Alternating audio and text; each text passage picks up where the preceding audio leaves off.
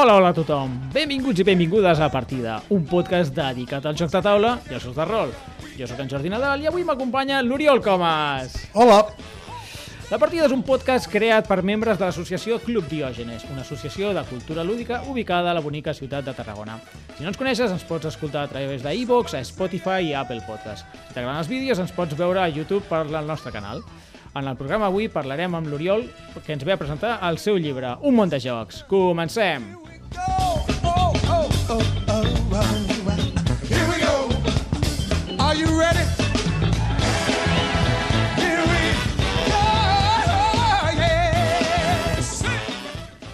Bé, abans de començar, per si hi ha algun despistat, Oriol, deixa'm fer-te una mini biografia, ¿vale? Per si de cas, no sé, això és, és super raro, és com escoltar a un jugador de tercera parlar de Messi. Eh, espera, que us presento a Messi. No, no. és, és el que hi ha, però bueno, és, és quasi obligatori. A veure, l'Oriol avui en dia és eh, considerat un dels grans experts i divulgadors europeus sobre el món i la història dels jocs de taula, sobretot. Creador de jocs de taula, no sé quants n'has fet, uns quants, no? La cinquantena. una cinquantena de jocs, res, que es diuen ràpid, eh, i també llibres sobre jocs, no només jocs de taula. A més a més, va ser director del, del Festival DAO durant els 10 primers anys de la seva existència, del 2011 a 21... Sí? 12 a 21. 12 a 21, Deu m'he anys. equivocat, quasi. I bé, en general, ets un gran reivindicador de que el joc és un artefacte cultural. Exactament això. A tope. Doncs res, avui l'Oriol ens ve a presentar el seu llibre. Ostres, que el tinc aquí. Un món de jocs. Gran llibre, per cert. Molt xulo, gran edició. Ara en parlarà. I l'objectiu del podcast d'avui és que qui no pugui anar a veure la, la presentació, que, és, que fas una gira mundial de, de presentacions de- d'aquest llibre, doncs eh, almenys el, el tindrà a, a la ràdio o a, o a YouTube o on sigui i el podrà escoltar. Primera pregunta obligada. Oriol, què és aquest llibre? Què, què ens portes aquí? Aquest llibre és una història dels jocs de taula, Mhm. des del joc dur, que és considerat el primer joc de taula conegut, fins al Monopoli. Hi ha jocs després del Monopoli, molts i molt bons, però el llibre aquest, Mhm. val a dir que és el primer volum de dos, Vale, ja sabem més coses. El segon volum surt ara en francès i espero que molt aviat surti en català i castellà. El segon és dels jocs contemporanis, dels jocs d'ara mateix. Val.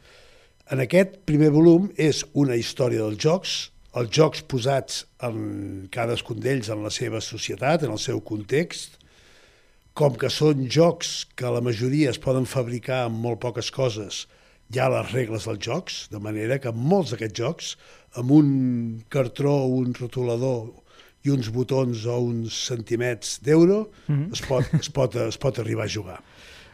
Per tant, podem dir que el llibre és una guia de jocs. És una guia de jocs. N'hi ha una seixantena, si no m'equivoco, uns quants més, i cada un sempre està en una doble pàgina, de manera que també hem pensat que el llibre, que tothom l'obris per la pàgina que obris, trobaràs un joc. Efectivament. Que, per exemple, aquí tenim el, tenim el Marro de Nou, o el 3 amb ratlla, que tots coneixem. Sí. El 3 amb ratlla és la, la mm, versió més petiteta del, del Marro de Nou.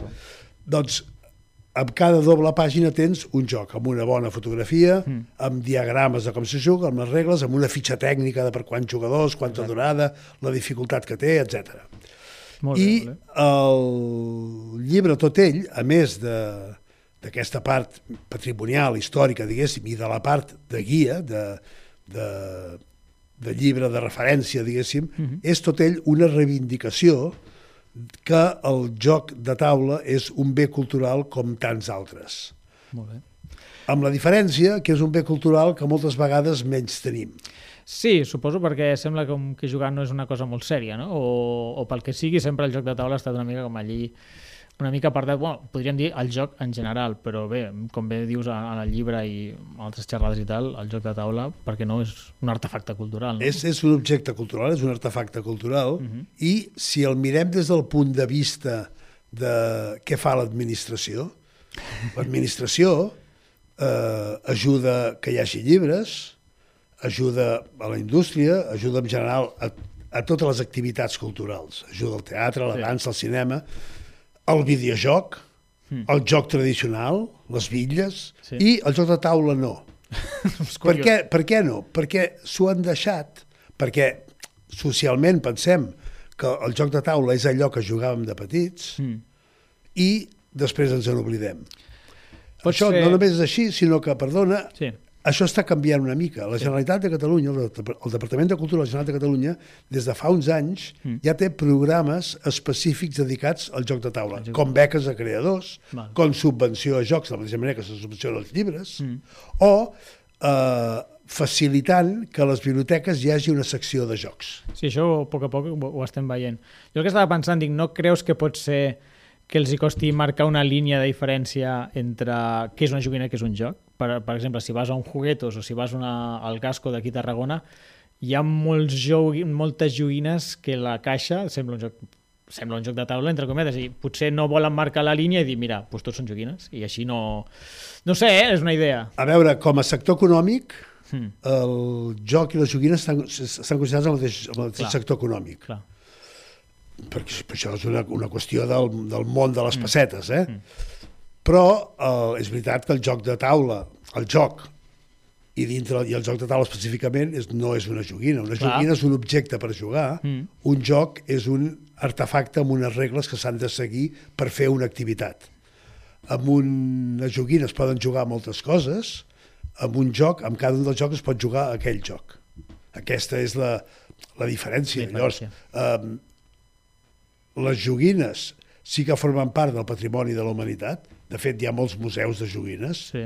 El Museu de Figueres, Tenim una Figueres, el exacte. Museu de Figueres és un, és un museu preciós. De joguines hi ha una mica de joc, però n'hi ha poc. Mm. Cada cop n'hi ha més, però és sobretot un, un, muse- un museu de, de joguines, museu del joguet, precisament, i n'hi ha a tot arreu del món. En canvi, de museus de taula, que jo sàpiga, només n'hi ha una a Suïssa. Sí, és veritat. Molt bé. Reenganxant amb el llibre, que no se t'oblidi la teva feina, Oriol. Has de venir per presentar, a parlar del teu llibre. He vist que els primers capítols eh, et justifiques bastant sobre què entra, què no entra, parles de 53 jocs, quins s'han quedat fora, quins s'han quedat dins, i després parles d'estructura. Primer parlem dels jocs que s'han quedat fora, com per exemple les cartes. Com és que no entren les cartes en aquest llibre?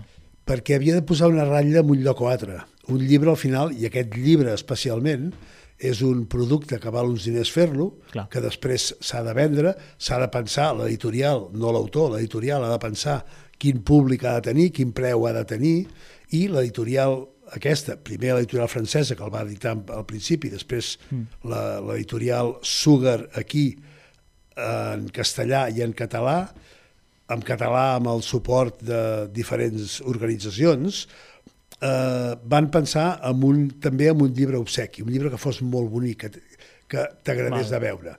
Això imposa una mida, imposa un pes, aquest llibre pesa un quilo, cada, un, cada exemplar pesa un quilo, i imposa també un nombre de pàgines. Per tant, si jo volia fer una cosa que fos completa, que arribés a tots els jocs que a mi em semblen importants, i me n'he deixat alguns, entre el joc dur, que és un joc que té uns 5.000 anys, i el Monopoly, que és un joc que té 80 anys, per algun lloc havia de tallar. Sí, està. I, de fet, les cartes i els dòminos són, no són jocs, són objectes, són, eh, Components de joc, potser? són uns materials amb els que es poden fer molts jocs. Això és veritat, clar. Per tant, hi ha un llibre a escriure sobre jocs de cartes. Ja, N'hi ha tens- molts de llibres de jocs de cartes, però no hi ha un llibre d'aquestes característiques sobre jocs de cartes. Ja tens feina. És per aquest motiu tampoc hi ha jocs de carrer, tampoc hi ha videojocs, evidentment, Fora d'aquí. Eh? evidentment, i després dels jocs que hi ha els vaig endreçar, vaig posar el llibre sota tres padrins. Sí, parlem això de l'estructura, si us plau. eh, sota tres padrins. I aquests tres padrins són un emperador xinès de fa 3.000 anys, l'emperador Xu, Mm. el rei Alfons X de Castella, anomenat el Savi, el rei Savi, que va ser un rei que va tenir una vida molt desgraciada. Tots els barons li anaven, els seus cavalleros li anaven en contra, va tenir guerres amb tothom, va morir molt desgraciat, però va ser un rei que estava a favor de la cultura, que va reunir els intel·lectuals de l'època per fer coses realment interessants en diferents camps de la cultura. Les cantigues, les cantigues de Santa Maria estan adjudicades a... No les hauria escriure ell, però passen com que ell es, també era poeta. I va fer escriure la primera enciclopèdia de jocs de la història. La primera que es coneix. Sí, Ah, mira. el 1283. Déu-n'hi-do. Un llibre que es diu Libro de ajedrez, dados i tables, que són els jocs que hi havia llavors. Tables, entenc, dominós o... No, tables, tables és el nom antic del backgammon. Ah, El val. backgammon és un joc molt antic, Sí. backgammon és un nom de cap al 1700 i pico, Uh -huh. i eh, hi era un joc que es coneixia alguna cosa semblant a l'època romana, Uh -huh. i aquest joc es deia Todes Tables, Ah, val. a l'edat mitjana. Es deia Todes Tables perquè és un joc que sempre es juga a totes les parts del tauler. Mm, En clar, totes les tables, a les Ah, quatre parts del tauler. vale, vale, vale. D'aquí ve el nom. clar. Vale, vale, vale. I, per tant, el llibre aquest de, d'Alfons X és un llibre sobre els escacs, jocs de daus, Mhm. sobre l'Alquerc, també. L'Alquerc és un, un joc medieval molt important, ja desaparegut, però que ha donat les dames, per exemple. I el tercer, el tercer gran capítol del llibre està sota el padrinatge d'un senyor francès que totalment desconegut, Godefroy Engelmann, que va ser el senyor que va patentar, que va inventar, si no la va inventar ell, va ser qui li va patentar la, cro la cromolitografia. Segur que hi ha disputes per allí, no? Segur que n'hi ha. Però la primera patent és de Godefroy Engelmann. Què va, què, va, què va passar a partir d'aquest senyor cap a 1840? Que tot el que era paper, i el joc acaba sent paper, cartró, paper, es va democratitzar. Clar. I en color. És a dir, fins al 1840, els jocs de cartes, que coneixem a Europa des de a finals del segle, del, del segle XIV, els jocs de cartes van entrar a Europa pel port de Barcelona, és conegut, cap al 1370, Ah, venien de, venien de la Xina, on van ser creats cap a 1000-1100. Doncs bé, els jocs de cartes, fins al 1840, eren en Blanc i negre. negre. S'imprimien amb aquells motllos de, de fusta, deien boixos, i eren una, una, una sola estampa. Després es podien, com es deia llavors, il·luminar a mà, pintar a mà. clar, clar. Però això ja només és una cosa per rics. Un joc d'escacs, que ara anem a... A qualsevol lloc que n'hi ha. A qualsevol lloc, el comprem per uns euros, un joc d'escacs era una cosa que només un ric es podia permetre, perquè un ebenista havia d'estar setmanes construint el, el, el joc d'escacs d'aquella persona. Llavors, li has, eh, li has fet una petita, un petit honor o pa, a aquest bon home perquè va de, democratitzar els jocs de taula, vols dir? Bueno, això era un, mini acertijo del llibre, no? Suposo. Bé, sí, de fet, el, aquests tres senyors surten molt poc en el llibre, Sí. surten només en l'índex. Això t'anava a dir, dic, hi ha com jocs dintre del Sí, llibre. i ja, això no su- s'explica surten gaire. només en l'índex i després, Mm. Eh, per un codi de color, que és molt fàcil de, de veure, cada un d'aquests tres grans capítols té un color dominant, que és el color de cada un d'aquests tres senyors. Vale. Uh, sí, sí, en, el, en la introducció del llibre dic qui vulgui descobrir perquè aquests tres senyors són importants ja no caldrà perquè ho acabo d'explicar. Ah, spoiler, has fet un spoiler. Però bueno, tampoc era un gran secret, només havíeu d'an- d'anar a Google, però Llavors, saber què, què vols dir tu. el, I qui era, qui era aquest emperador? Aquest emperador Xus. xinès de fa 3.000 anys va ser un emperador que una llegenda diu que va crear, o va fer crear, el joc del Go perquè tenia un fill molt ruc. Molt I ruc. aquest, I aquest fill l'havia de succeir, havia de ser el nou emperador. Sí. I era tan ruc que el pare va dir, a veure si inventeu-me alguna cosa perquè aquest noi aprengui i, i posi senderi. I van inventar el Go. El Go ens ha quedat com un dels grans jocs de la humanitat, Sí. per mi el més gran, Probablement. però el fill va continuar sent un tanoca i mai va arreglar. Això, pues, potser hi ha alguna lliçó a aprendre. Això, és, això és una llegenda. Per tant, en el primer capítol hi ha els tres grans jocs per mi de la humanitat, Mhm. eh, que venen amb tres grans tradicions i de tres llocs eh, llunyans. Un és el Go, que ens ve de la Xina, no? Sí. que té uns 3.000 anys. Un altre són els escacs, Mm. que faig un altre spoiler, no és un joc europeu, és un joc que ve de l'Índia. Els escacs venen d'un joc que es deia Chaturanga, un joc de la Índia que es deia Chaturanga, que venia d'un altre joc de la Índia que es deia Ashtapada. Aquest Ashtapada era del segle VI i els escacs no són fins després del segle, de l'any 1000. Ah, bueno. Per tant, els escacs només tenen 1.000 anys de vida. Bé, són, són jovenets comparats amb Són jovenets comparats amb altres, Mm. Aquests... Eh, perdona que t'interrompi. Eh, aquest primer que, aquesta primera part del llibre es parla només de tres jocs, però realment cada, cada joc li dediques diverses pàgines. li dedico sí. I fins i tot el Go, hi ha una cosa que m'ha agradat moltíssim, és que mai havia Una- entès jo una partida de Go. Una partida sencera, sí. Hi ha una partida sencera Explicada. explicada, que això és fantàstic, perquè, clar, jo veia els de Go jugar i pensava, això no té cap sentit. O sigui, on hi ha l'estratègia? Estan posant les peces aquí sen... Hi ha Tota l'estratègia. i ja és el joc amb més estratègia, estratègia del món. De és, fet- fantàstic. De fet, les màquines, Hmm. els ordinadors, els hi va costar molt poc Hmm. petar-se el Garry Kasparov. El Sí, 97, el, si el no m'equivoco. 97, sí, sí, el 97. En canvi, eh, El- L'AlphaGo El- va ser fa dos o tres anys que va, que va guanyar... El, passen ràpid els anys. Jo crec que va ser 2017 o així, eh? ja fa 5. Però sí, sí, ja fa cinc anys. fa poc, fa poc. Fa... Però, però en fa 20 i tantíssims de, de, dels escacs de, Ja fa, de, ja de Deep Blue. AlphaGo, que és el programa que farà anar els cotxes sense conductor, per tant no és cap tonteria. No. O sigui, ja, ja saben en què inverteixen les grans Hombre. companyies. El, el, aquest, aquest programa AlphaGo Hmm. li va costar guanyar el campió mundial, el, el, el El el Lee Sedol li va costar... mm, els Va costar perdre molt, una, eh? va Va perdre- perdre, una de cinc. Sí, Sí, sí. De fet, eh, segur que l'has vist, hi ha un documental a Netflix Preciós. brutal. Bueno, jo sempre el recomano, eh, hauré de ficar al Twitter, mireu aquest documental, que és, Brutal, brutal. és espectacular. O sigui, aquell documental es diu Alfagó, diria que no, no és gaire difícil de trobar. Eh, Llavors, en que aquest primer gran capítol hi ha tres jocs només, que no són tres, com deies molt bé, el Go és només un, vuit pàgines, Mm. eh, això és una declaració de principis. Cada joc del llibre té dues pàgines. Els tres grans jocs del Miran tenen vuit pàgines cada un, amb diferències. El Go té vuit pàgines pel Go, Sí. els escacs tenen vuit pàgines, però amb els escacs també parlem del, del, Clar. del shogi i el xianxi, Que semblen... és a dir, els escacs xinesos, els escacs, els escacs japonesos els escacs xinesos, dues jocs més d'escacs de la mateixa família, tan importants com els nostres, els occidentals, diguéssim, però que, no, que coneixem molt poc, mm. i vuit pàgines més pels jocs de Mancala.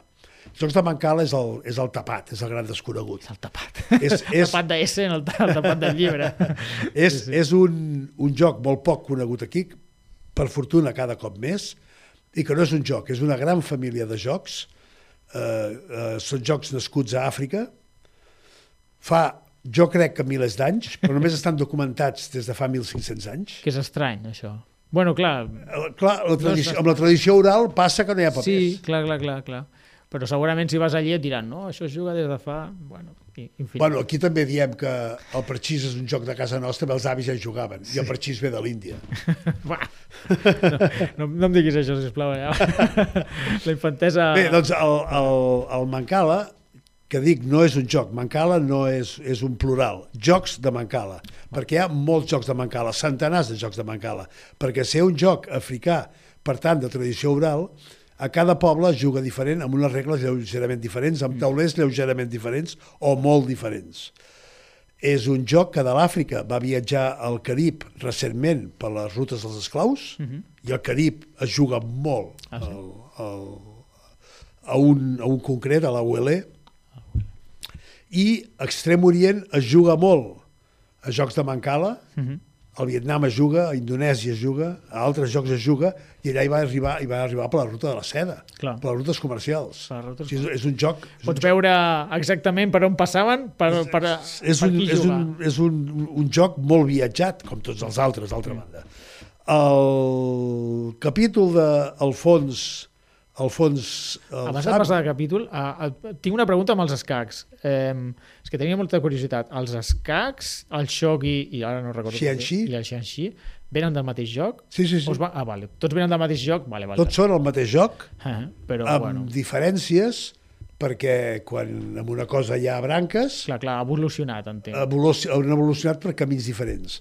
Però en els tres jocs són eh, amb un tauler descobert amb tota la vista dels exèrcits iguals Sí. que lluiten per matar una sola fitxa. Bueno, això és un bon resum dels escacs, sí. La, la veritat és que sí. Jo he jugat al... Quin és el que, quan mates una peça, la pots tornar a posar? És el japonès? El, El és el shogi, shogi? shogi. Perquè et vaig fer una partida i m'ha explotat el cap. És molt, molt difícil. El shogi és un joc que et fa explotar... Però els escacs, però el coneix també, li fa explotar el cap. Sí, però potser... El que passa que els escacs els, els tenim molt, molt a la vora. Això, això és veritat. Vale, vale. No, només volia fer aquest incís. Segueix, segueix. Ara El- anem pel segon bloc. De, El de segon bloc, el, de, el que està sota l'advocació del de, el, el rei savi, Mm. són tots els jocs des de sempre, tret dels tres grans, Clar. fins al moment que el joc, com dèiem abans, es democratitza. Va. Passa a ser un, un bé de consum. Això hauria pogut ser al segle, al segle XX, quan amb la societat de consum i la, la societat del, del benestar, Sí. la, la classe mitjana que creix, però em va semblar que era un bon, un bon punt posar el moment que un senyor diu ara podrem veure les coses amb colors. Perquè, clar, jugar a l'oca en blanc i negre, jugar a l'oca amb colors no té hi ha una diferència gran. No té color. És com, és com jugar als, als Zombicide amb cartronets sí, sí. o amb, O minis. o amb minis pintades. Pintades. Les minis sense pintar són pitjors que fitxes. Jo, jo sempre ho he dit. Aquella marea gris no, no serveix de res. Sí, sí. Bé, llavors, el... són els jocs fins, a, fins aquí i el tercer capítol, sota el padrinatge del senyor Engelman, Engelman. és fins al Monopoli. el, podia haver triat altres moments del segle XX. De fet, els gran, el gran canvi en el joc de taula és al voltant de 1970. Què va passar en 1970? És la El 1970 va passar que tres grans autors, abans del 70, Mm. la dècada aquella, els 60 als 70, que tres grans autors van començar a fer uns jocs totalment diferents i que va néixer una indústria important al món del joc, sobretot als Estats Units. Mm. Aquests tres autors són Sid Saxon, Segur, aquest no podia faltar. Robert Abbott, Ah. aquest és més desconegut, però per mi és molt important, i, evidentment, eh, Alex Randolph. Mhm. I l'empresa Avalon Hill nord-americana. Apareix Avalon Hill. La mítica. això va, això va fer que els jocs van començar a ser diferents i que un joc com el Monopoly, que tothom que l'ha jugat sap que l'estima i l'odia al mateix temps, Sí. l'estima perquè recorda tardes fabuloses jugant al Monopoly i l'odia perquè no sabia mai com acabar les partides. No, eren infinites les partides. Clar, al perquè, Monopoly. perquè les regles no estaven acabades. I a més era un joc de destruir els altres. Sí, I... I a més, anaves a casa d'un amic i jugava diferent. Anaves a casa d'un altre i jugava diferent. Oh, esclar, perquè les regles no estaven, no estaven ben Que no explicades. estaven explicades les normes. En canvi, el Monopoly Mm. explica perfectament la societat capitalista. Sí. Passa, passa per lo meu i veuràs, veuràs quin tant et foto. Val a, dir, Sí, sí. val a dir que el Monopoly té una història curiosa darrere, el llibre l'explico, Mhm. que el Monopoly és un joc copiat. Sí, aquí ho vam explicar el dia, el dia de la dona, vam parlar, es diu Elisabet, no, Elisabet McGee. Elis- Elisabet Magui. Explica, explica, sisplau. Perquè ho vaig llegir aquí i ho vaig veure una mica diferent de la Wikipedia i m'enfio més d'aquesta font que tinc aquí davant, la veritat. El, el que s'ha explicat aquí està tret d'un llibre Mm. que és la història real del Monopoli, que va fer una, una periodista nord-americana. El Monopoli està adjudicat amb un senyor que es diu Charles Darrow, Sí. que va publicar el joc cap al 38, si no m'equivoco. Uh, mira. El, va, va, publicar, va publicar el joc, al principi no li van acceptar perquè tothom li va dir que aquell joc tenia moltes pífies, ell se'n va editar, se'l va editar, i després, com que es venia bé, li van comprar i aquest senyor va morir milionari. Ah, doncs sí que va, va fer diners i tot. Va fer diners aquest Potser és el, pri sí, el primer autor de jocs de taula que fa diners, o què? Sí, sí, i tant, i tant. I el Darrow inclús té a la seva ciutat, Atlanta, Atlanta City, si ara no m'equivoco, té una estàtua i tot. Doncs bé, aquest senyor era un bandido que li va robar el joc a l'Elisabet McGee. 34, eh? 34. Va crear el joc al 34 i efectivament d'Atlantic Atlantic City. I el Charles Darrow està perfectament documentat com el va robar. Mm. Aquest joc va ser creat el 1904 per una senyora que era quàquera. Què és Quac- Quacara? una religió d'aquestes, moltes religions que hi ha als Estats Units. Va. I era una senyora activista. Mm. I va fer aquest joc, un joc el joc es deia el joc del, el joc del És terratinero, el joc del terratinent, me'n recordo. del, del posseïdor, diríem, no? del, Sí. del propietari Own- de owners- pisos. Owners Game. No, de, de, o- la- landlord's game. Landlord's Game, això, exacte. El joc del propietari de pisos, diríem. Sí. Llavors, aquest joc el va fer per vilipendiar el capitalisme, Mm. per explicar el capitalisme una lo que cosa no dolenta. és curiós, eh? I el, aquesta senyora, aquest joc, el, els, feien, els feien a mà a la seva església i els repartien, se l'explicaven i anaven jugant. I una còpia d'aquestes va arribar 30 anys després a mans del tal Darrow i el Darrow es va aprofitar d'això, va canviar, va posar el nom de Monopoly, que realment és un... I sense tocar res, però no va tocar res el, el, el, el senyor aquest, li va canviar totalment el sentit del joc. Va passar a ser d'un joc contra el capitalisme a la icona del capitalisme del segle XX. La veritat és que sí. Llavors, el- l'empresa que li va comprar els drets al Darrow també li va comprar els drets a la, Però, per no tenir problemes, no? Com la, que havien la fet Magui, calés... fer una edició que es diu que es va fer una edició del Landlord's Game, però Mm. potser en van fer algun centenar. Ho dic de memòria, però recordo que deien que, que el Landlord's Game tenia com dos, com dos fases, no? Una més capitalista, després passaves i que l'home es va quedar amb la, amb la part capitalista. Però és això llegit de la Wikipedia, eh? jo m'enfio Sí, sí, sí. del sí, teu sí, llibre. Sí, sí, sí. Però era algo així, em el, el, joc, el joc de la Magui era un joc militant. Sí, sí, sí. sí. Per tant, tenia, tenia més literatura darrere. Mm. I és veritat que, la, que, que amb la còpia que va fer el Darrow li va treure el, el millor com a joc, diguéssim. Clar, clar, clar. La veritat és que sí. Bueno, Ah, tu, llavors, tu, el llibre arriba fins al Monopoly, però hi ha alguns, hi ha alguns jocs de després del Monopoly. Sí, fas moltes excepcions, eh, en aquest llibre. Ja en par... Algun, moltes, No parlem de cartes. Aquí hi ha l'Uno. Fins No al par- Monopoly. Jo veig el risc aquí. hi ha altres jocs. No hi ha jocs d'habilitat. El croquinole també hi és. Mira, mira. Bueno. No, no dic mentides, eh? Croquinole. ja, ja, ja, ja els has dit tots, ja els has dit tots. ja he dit totes les posar. l'Uno hi és perquè em va semblar que, i a més l'Uno és bastant posterior, és del 70 l'Uno potser, no? Sí. El, no, més tard. El, el Uno hi és com una petita venjança. Ah, sí. Sí, perquè l'Uno és un, és un joc molt comercial, que ha venut centenars de milions de còpies, però és un joc copiat. Ah, sí. Bueno, clar, tampoc... No és, una, no és una mecànica molt original tirar cartes amunt i avall. És un, és un joc copiat d'un joc americà que es diu Crazy Eights, Sí, però és un de sí. tots aquests jocs que, que has de fer cartes sense cartes, com el, Sí. el Cau Recau, Sant Vicenç, o com la Pumba, com tants jocs d'aquests. Jo, nosaltres jugàvem al capitalista, que era de, de treure's les cartes. mateix, el mateix. Diferent, eh, la mecànica, però sí, de, de treure's les I cartes. un senyor molt, molt savi Molt espavilat, també, li podríem va dir. posar aquest nom, que sona molt bé en totes les llengües, Mm. va posar les cartes de colors en lloc de les, de les cartes d'una baralla, Mm. i apa, i fot-li. Ja, ja està. I- L'Uno també és d'aquells jocs que no he conegut mai a ningú que el jugui bé, i aquests sí que estan clares les normes al reglament, però ningú juga bé i tothom té les seves normes de, de casa. Jo, una de les, més, de les nits més memorables jugant a, a parties va ser a l'Uno amb una norma d'uns paios, no sé, eren turcs, que jugaven a l'Uno, que cada cop que tiraven un zero, algú posava una norma. I era divertidíssim. Per què no? Però Era divertidíssim, o sigui, tiraves un zero i deien... Uno més flux. No, deien, sí, a partir d'ara no es pot dir sí. I tu, com que no es pot dir sí? Ah, has dit sí, has rebut una carta. Ah, tu també has dit sí? Bueno, així no acabes. Però bueno, i, i s'acumulaven les normes i bueno, t'explota la cara. És que A l'uno dona peu a, una de les coses que, per les quals serveixen els jocs, potser la principal és divertir-se.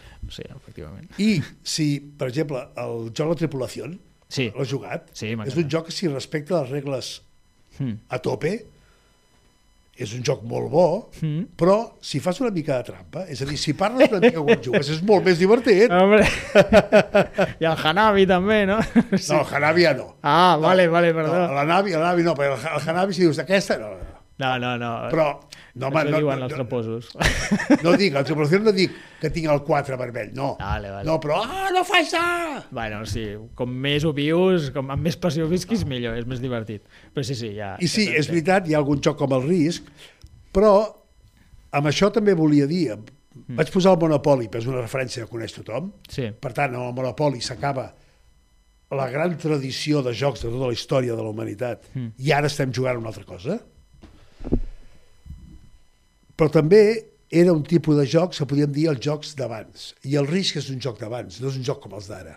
Ara, el risc ara no tindria cap fortuna. Bueno, digue'ls al- als súpers que només hi ha riscos i monopolis, però bueno, sí, sí. Si sortís ara, vols dir? Si ara sortís, de la mateixa manera que si ara un autor anés a una editorial i digués m'he inventat un joc que són uns peons i després hi ha unes torres i uns cavalls i uns alfis, un rei i una reina, cada un és molt diferent, que el tauler són, són de colors diferents, però és igual que són de colors diferents, i que cada un avança de manera diferent, que les partides són molt llargues, que costa molt d'entendre, costa de jugar-lo, i al final moltes vegades no guanya ningú. Hi ha moltes tables. I diria, molt, molt bé, nano, torna un altre dia que tinguis una idea bona. Ara ningú, cap editorial compraria, compraria els escats. Cap editorial ara compraria el risc. No. Eh, Per sort. Perquè, per, tant, per tant, em va semblar que posar, tancar aquesta història dels jocs amb els jocs com el Monopoly mm. inclòs el risc, estava bé, encara que el risc sigui del 57. em sembla, Ai, no ho he buscat al 56, final, però bueno. Que també és un joc amb una història molt bonica darrere. Ah, sí? El va crear un director de cine. Calla. Ah, mira. Director de cine, quan ho vaig saber em vaig emocionar, perquè eh, un director de cine d'una pel·lícula Mm. que quan jo era petit em va fer plorar molt, Ah, sí? Quina? que es deia El Globus Vermell. Ah, no l'he vist. Oi? Mi- mi- Mira si es deia així la pel·lícula. Ara, ara, ara tinc feina, eh? Ho diu al principi de tot. Lo, lo pitjor és que eh, David Niven eh, no va guanyar mai l'Oscar. Ara, a la 29a edició dels Premis de l'Acadèmia, van atorgar el premi a la millor pel·lícula La volta al món en 80 dies, Sí? Que protagonitzava. També van otorgar el premi al millor guió original al film sobre l'amistat. Ah, Le Ballon Rouge, El Globus Vermell. efectivament, i és per això. I és una pel·lícula d'amistat, d'amistat d'un nen i, i que té un globus vermell i el perd, i és un drama. Jo, aquest, aquesta pel·lícula a mi de petit em va emocionar molt. Sí, sí. I d'anys després vaig saber que el senyor, el director d'aquesta pel·lícula, Albert Lemoris, va ser el creador del joc Risk. Que curiós, eh? Albert Lamorís. Ell, ell li va posar... ell li va- Polifacètic. Li va posar... No, no, no, no cap altre joc. Ah, bueno, vull dir, però és director i va fer un joc, almenys. Era director. Sí, sí, I sí. aquest joc ell va posar La conquesta del món Ah, sí, li van canviar el nom. i després li van canviar el nom i de fet el seu, el seu nom no, apare- només apareix als llibres, no apareix enlloc. No, eh, bueno, és, de, és de, del, del que deies tu abans, com el Monopoli. Tampoc veus el, el nom de, de l'autor ni de, de. Perquè el nom, de, el, el nom dels autors dels jocs fins fa molt poc, fa molt poc vol dir el 90 i tants, Sí, del segle passat, l'autor era una peça més en la cadena de producció de fabricació d'un joc. clar. És ara recentment, a partir de ara que hi ha hagut la vaga de- d'actors de, Hollywood i que han guanyat, diguéssim, va haver una espècie de vaga dels autors de jocs Mhm. que es van conjurar i van fer van firmar un manifest conegut que li diuen el manifest del posavasos perquè això van fer en un bar un bar, no? un bar i hi ha un, manif hi ha un posavasos de cervesa El tenen por ahí marcat, sí, no? sí, sí, està marcat i tant que això ho va muntar l'Àlex Randolph precisament mm. i van dir a partir d'ara cap dels autors que signem això no signarem cap contracte d'edició d'un joc nostre si en el contracte no figura que el nostre nom estarà a la coberta del joc.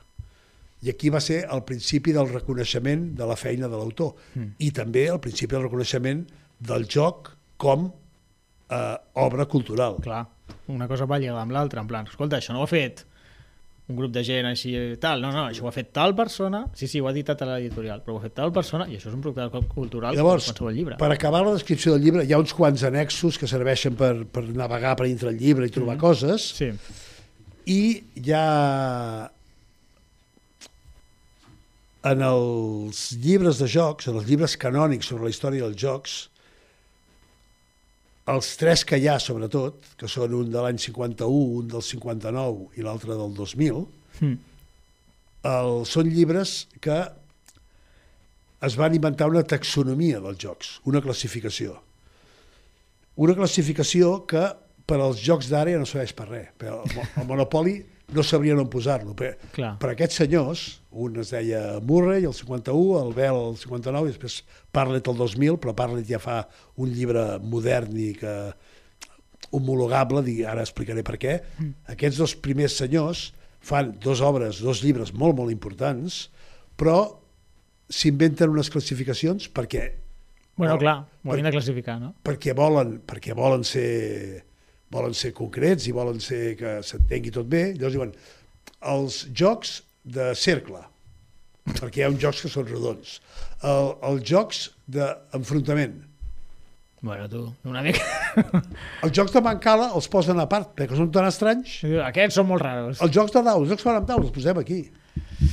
I Ja. això és una cosa, el, els jocs de posició, els jocs d'alineació, Clar, el 3 amb ratlles, un joc d'alineació. Sí. Però això serveix per, a pilota passada, amb aquest corpus de jocs, posar-los en unes caixetes. Mm. Però ja no serveix a partir de la, No. del parxís, l'ogra, ja no serveix tot això.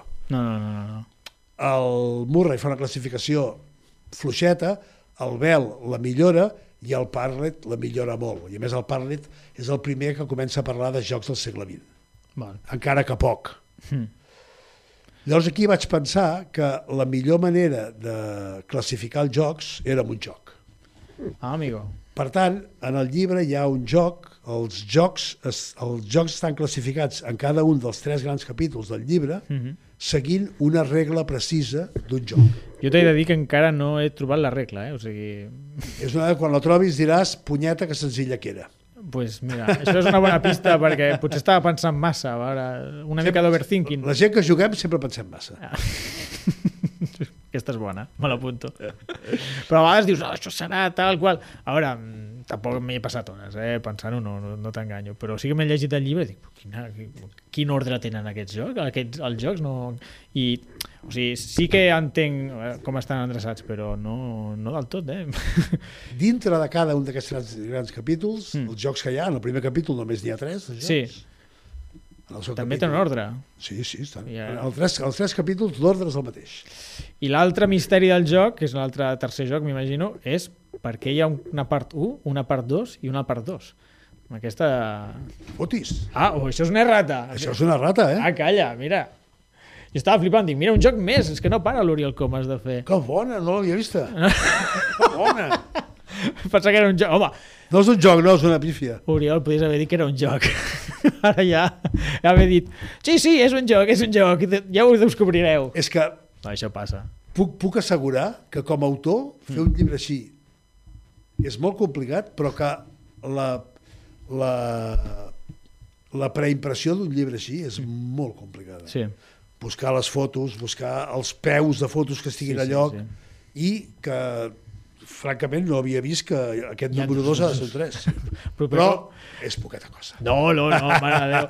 No, no, però ara, jo què sé, no sé si se'n veu bé a la càmera, pels que estigueu a YouTube, realment cada capítol, o sigui, cada joc, són 53 jocs, per cert, 53 jocs, cada capítol té fotos, té diagrames, unes fotos excel·lents, no sé d'on les has tret, però ara ens ho podies dir, perquè són xulíssimes la majoria. De fet, són més de tot color. 53 jocs, perquè Ah, amigo. amb els, Bueno, clar, amb els els escacs escacs són n'hi ha- 3, són tres, ja m'has en, fet- en els Mancala són 4, Bueno, i, i, amb ca, i hi ha alguns jocs que en lloc d'explicar d'un explico dos o tres. sí, dius, bueno, ja que parlo d'aquest... Per això dic uns 60 i tants. Són, clar, clar, 60 i tants, és veritat. Al principi tens aquesta intro de, del Mario Serra, Ah, que maca. que sí, sí, molt xula, que, que parla d'això del 53 i no 50. Bueno, és com un, un minijoc, també. Una intro minijoc. Aquest joc El està Mario sempre, el Mario sempre és... Sí, sí, està, està, està ple. El Mario és molt jugat, no únicament amb, els, amb les paraules, Mm. Sí. sinó ja en la vida, i per culpa del Màrius, Mm. dic per culpa, però ho dic en el bon sentit, eh, Mm. pel Màrius m'ha passat una de les coses més divertides de la meva vida, que sóc personatge de novel·la. Ah, és veritat. Com va anar això? Tu, et va demanar permís o va ser un? Mira tu, t'ha tocat. No només em va donar permís, sinó que cobrem els drets dels llibres a mitges, Ah, sí? per imposició seva. Per imposició seva? Ah, bueno, mira. Em fa pencar molt, eh?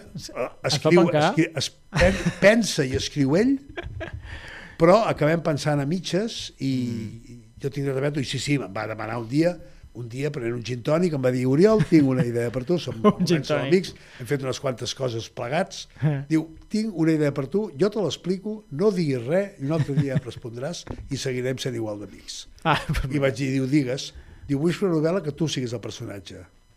I dic, què vol dir això? Diu, no que hi hagi un personatge inspirat en tu, no, no, no, que el personatge sigui l'Oriol Comas i Coma, que li agraden els jocs, que té una col·lecció de jocs molt gran, Que que es dedica a divulgar la cultura del joc i que li passen coses. I que li passen coses. I vaig dir, bueno, deixem, dic, en principi sí, però deixem demanar permís a casa. Vaig demanar permís a casa. El permís es va traduir que no tinc parella, jo, els, els tres llibres que ja han sortit, el Sí. 4 les tinc, el, el porto a la motxilla, estic llegint el, Ah, el, molt 4, el, quart, el quart ja. El, jo no tinc parella, en el, ni tinc parella ni tinc embolics en els llibres aquests. Ja està bé, ja està bé. Que, que hi hagi una línia. Fins, Hi ha aquí. una- fins aquí entra la, la vida I d'Oriol Comas. la, els llibres aquests Mm. Els tres llibres són llibres, com diu el Màrius, ludocriminals, per tant van de jugar i de matar, Ah, amigo. per tant sempre hi ha un mort i sempre hi ha els Mossos darrere que van a solucionar-ho, Sí, I, sempre, i sempre jo, però jo repeteixo, no un detectiu que té el meu nom, no un, no, no, jo, O sigui, tu com a personatge... O sigui, jo com a persona, tu com a persona feta personatge. jo com a persona feta personatge, eh, estic pel mig sempre perquè passa alguna cosa que el Màrius s'inventa perquè jo estigui al mig del, de l'embolic aquest. Ostres, tu. I, el, per tant, el, aquestes novel·les són unes l'Oriol com el personatge, i dos, sempre van sobre jocs. Ostres, que bo. El joc sempre és l'element central dels jocs. Per exemple, la tercera, Mm. que es diu Fora de joc a Montserrat, Bon, bon títol. la novel·la comença que jo organitzo una reunió de gent important del món del joc a l'abadia de Montserrat Mm -hmm. per fer, els demano que facin un ludocànon, que estableixin la llista dels 100 millors jocs de la història. Ah, amigo. I les persones que van en aquesta reunió mm. són persones conegudes del món del joc, persones reals, locals sí, sí. i internacionals. I aquestes persones, quan arriben a Montserrat i estan amb la copa de benvinguda, Eh. al mateix moment que arriba l'abat a saludar-los, Mm -hmm. aquests 15 personatges, al mateix moment que arriba l'abat a, a, a saludar-los, que són gent important, Clar, clar. al mateix moment se sap que un, han trobat un mort penjat a la seva cel·la. Jan, jan, jan. Així comencen Així- a meitat de les pel·lis de, de, ai, de llibres de Gata Christie, no? També. Però amb el joc com a element... I com- el, mentre ells van discutint, que ja no saben què fer, pobra gent, no? van discutint sobre, es barallen sobre jocs, si el monopoli és important o no, etc. Ja, es parla de coses de jocs? o- Sí, sí, sí. sí, sí. ara me'l- Ho, m'hauré de llegir, ho intenten, eh? Perquè hi ha, la, hi ha els Mossos allà i troben un altre, un altre monjo mort, dos monjos més morts. Me cachis la mar, pobre Home, monjos. ludo criminal. Ludo criminal. Molt bé, molt bé, déu nhi déu Ja ens estem quedant sense temps, però te volia fer una pregunta que no era del llibre, així una mica traïció, en plan, bueno, si em dóna temps i tinc res, dos minutets, però te volia preguntar, fa molts anys que estàs a l'afició, fa molts anys que divulgues, estàs molt ficat en el món dels jocs de taula.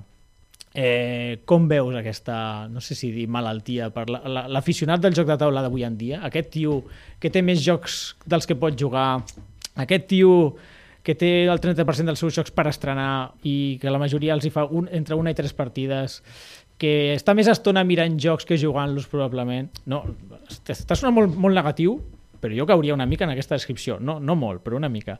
Però sí que existeix. Jo tenia per fi. 4.000 jocs fins fa molt poc. Sí, m'ho has d'explicar. que has de dir, no? Els havies estrenat tots? No, Ah, no els, havia, els havia llegit tots, segurament sí. els manuals, vols dir, eh? Manuals. Sí, sí, sí. I tenia, per exemple, tinc una bona col·lecció de mm. jocs de rol i no jugo rol perquè no... Ho he intentat, Però no. he jugat prou a rol, però és un joc que no... Jo no serveixo pel rol, Bueno, això va... però en canvi he llegit molt de rol. Però, clar, és que... Llavors, Mm. què els diria aquesta gent? A la, a la, a la meva companya, Hmm. quan em deia, ara ja no, ja no ho pot dir perquè ja no hi ha, no hi ha jocs ni llibres a casa, però quan m'ho deia li deia, "Xt, imagina't que m'hagués donat pel còmic. Sempre... Aquest pis, tenim un pis molt gran, aquest pis tenien totes, totes, totes les... En lloc d'estar els jocs amb tres habitacions, com estaven ara, que déu-n'hi-do, estaria, estaria tot, tot, tot el llibre ple de prestatgeries plenes de còmic. Ja. I cada, cada setmana entraria amb 10-15 còmics diferents. Què els diríem a aquesta gent? Uh, no n'hi ha per tant. I, sobretot, sigueu feliços. Sigueu feliços eh, és una bona, Clar, una bona filosofia. El- Però també, si, si així gaudeixen de l'afició, també, què, què hem de dir, no? si ens hem inventat una paraula que és completista, no? Completista, és que és, veritat. és tenir-ho tot d'un joc. Sí, què, què és això? Per què? Som així? Completista.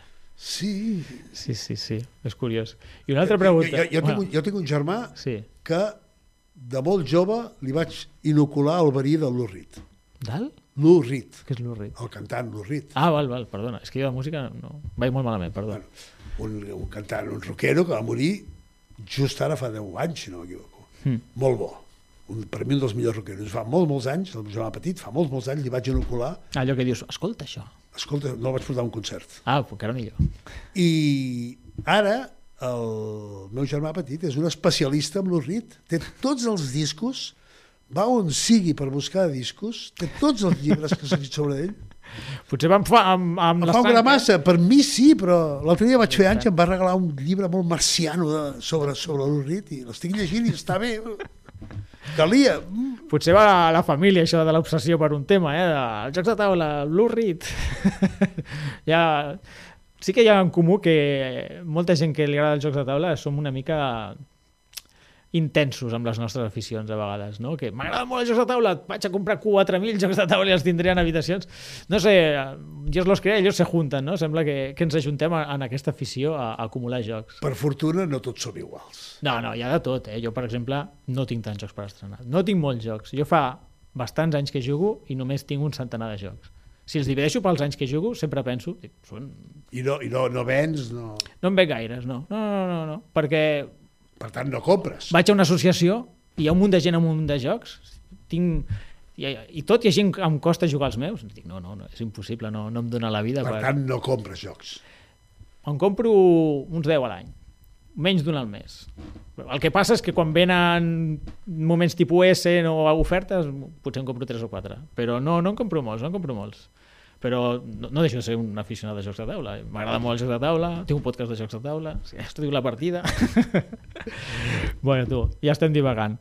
Eh, Oriol, doncs res, moltíssimes, moltíssimes gràcies per, per haver vingut a la partida, per haver pensat en nosaltres, per venir a presentar el llibre. A mi m'ha fet moltíssima il·lusió, la veritat és que, que em diguessis de, de venir, així que t'ho agraeixo moltíssim. També és molt agraït que hagis vingut físicament a Tarragona. L'Oriol, perquè esteu escoltant, està aquí físicament, el podria tocar si estigués més a prop, els del YouTube ho, ho veuen clarament, però la veritat és que és una mata... Bueno, has hagut d'agafar la Renfe, així que... He agafat la puta Renfe, sí.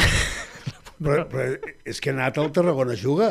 Això és veritat. Que és un bon lloc d'anar, he fet una bona partida. Dos per uno, eh? Sí, Dos per uno. he dinat amb un amic, escolta'm. Fantàstic, no? Un dia complet. I ara a gravar, a parlar més de Els meus llibre. amics de Reus no sé què pensaran, però no estaran molt contents, però bueno, res, que t'agraeixo moltíssim, moltíssim que hagis vingut i res, eh, el proper llibre també t'esperem aquí, quan treguis el volum 2 d'un món de jocs, també t'esperem aquí. molt bé, moltes gràcies. Vinga, que vagi bé.